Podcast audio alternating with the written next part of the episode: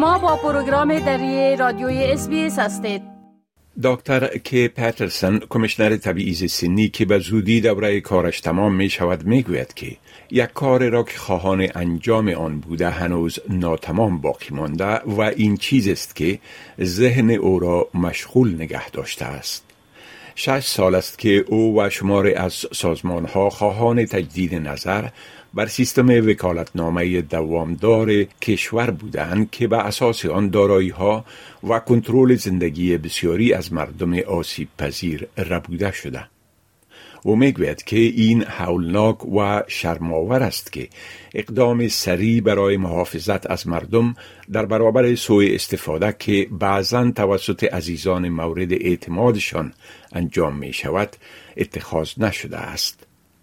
یک وضعیت صحی استراری اخیر داین فورد خانم هفتاد ساله ساکن ملبورن را برانگیخت تا یک وکیل صلاحیت را برای خود تعیین کند. Having a head injury and being taken to hospital, I thought, you know, in some circumstances, if you're unable to make decisions, you'd like to know that there was somebody um, who was looking out for you. وکالتنامه دوامدار معروف به APOA یک سند قانونی است که شخص می تواند با تهیه کردن آن این اختیار را به شخص دیگر بدهد که در آینده امور مالی، اموال و مراقبت های طبی او را تنظیم و اداره کند. مردم اکثرا یک عضو بزرگسال خانواده را به حیث وکیل خود تعیین می کنند.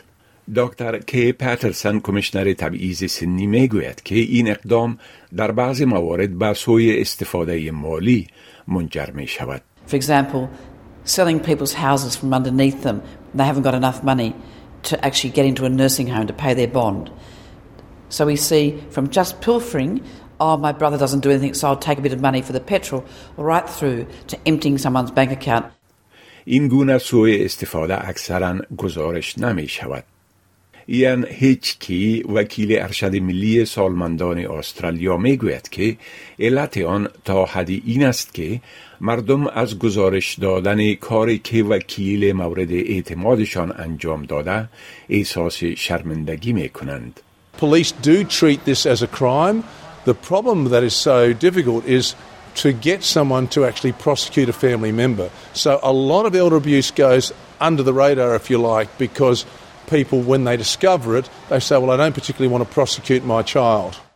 انا بلای مدیر اجرایوی انجمن بانکداری استرالیا تخمین می‌زند که سالانه صدها میلیون دلار توسط وکلا با سوء استفاده از موقعیتشان به سرقت می رود.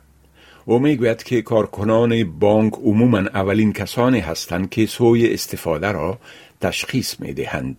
Certainly, in some cases, they will contact police if the size of the fraud or the nature of it um, is significant. Uh, they'll talk to the customer. Um, sometimes that's difficult because it's very hard for customers uh, to accept that their adult son or daughter might be um, cleaning out their account. هیچ دفتر ملی ثبت وکالتنامه یا APOA وجود ندارد. بنابراین متخصصین مالی حقوقی و طبی نمی توانند تایید کنند که آیا یک سند ارائه شده به آنها جاری باطل یا واقعی است یا نه؟ و قوانین و مقررات ارائه وکالت صلاحیت در سراسر کشور متفاوتند. کریگ گیر رئیس اجرایوی شبکه حمایت از مردم بزرگسال می‌گوید که آگاهی دادن به مردم در مورد حقوقشان و به وکلا در مورد مسئولیت‌هایشان دشوار است. Too often we're hearing that older people's powers of attorney are not respecting the wishes and preferences of older people and they're actually using that as a tool to actually embed abuse and financial abuse on people. It's really important that we put safeguards in place to prevent that. در سال 2017 کمیسیون اصلاح قانون استرالیا قوانین همگون ملی و ایجاد یک دفتر ثبت آنلاین ملی اسناد APOA را برای جلوگیری از سوی استفاده توصیه کرد. شش سال بعد انا بلای ابراز ناامیدی می کند که این توصیه هنوز عملی نشده است. I haven't found any Attorney General in the country at any state or territory or federal level who doesn't think that this is a good idea, but I haven't found one of them that is prepared to be the champion that makes it happen. این موضوع در دستور کار همه جلسات شورای دائمی سارنوال عمومی در حکومت فدرالی قبلی قرار داشته است. در آخرین جلسه آن در داروین به روز 25 اپریل از پیشرفت در مورد آن یادآوری شد. SBS با تمام سارنوالی های عمومی ایالتی و قلمروها تماس گرفته است. سخنگویان در کوینزلند، استرالیای جنوبی، نیو ساوت ویلز، استرالیای غربی و قلمرو پایتخت استرالیا پاسخهایی را ارائه کردند.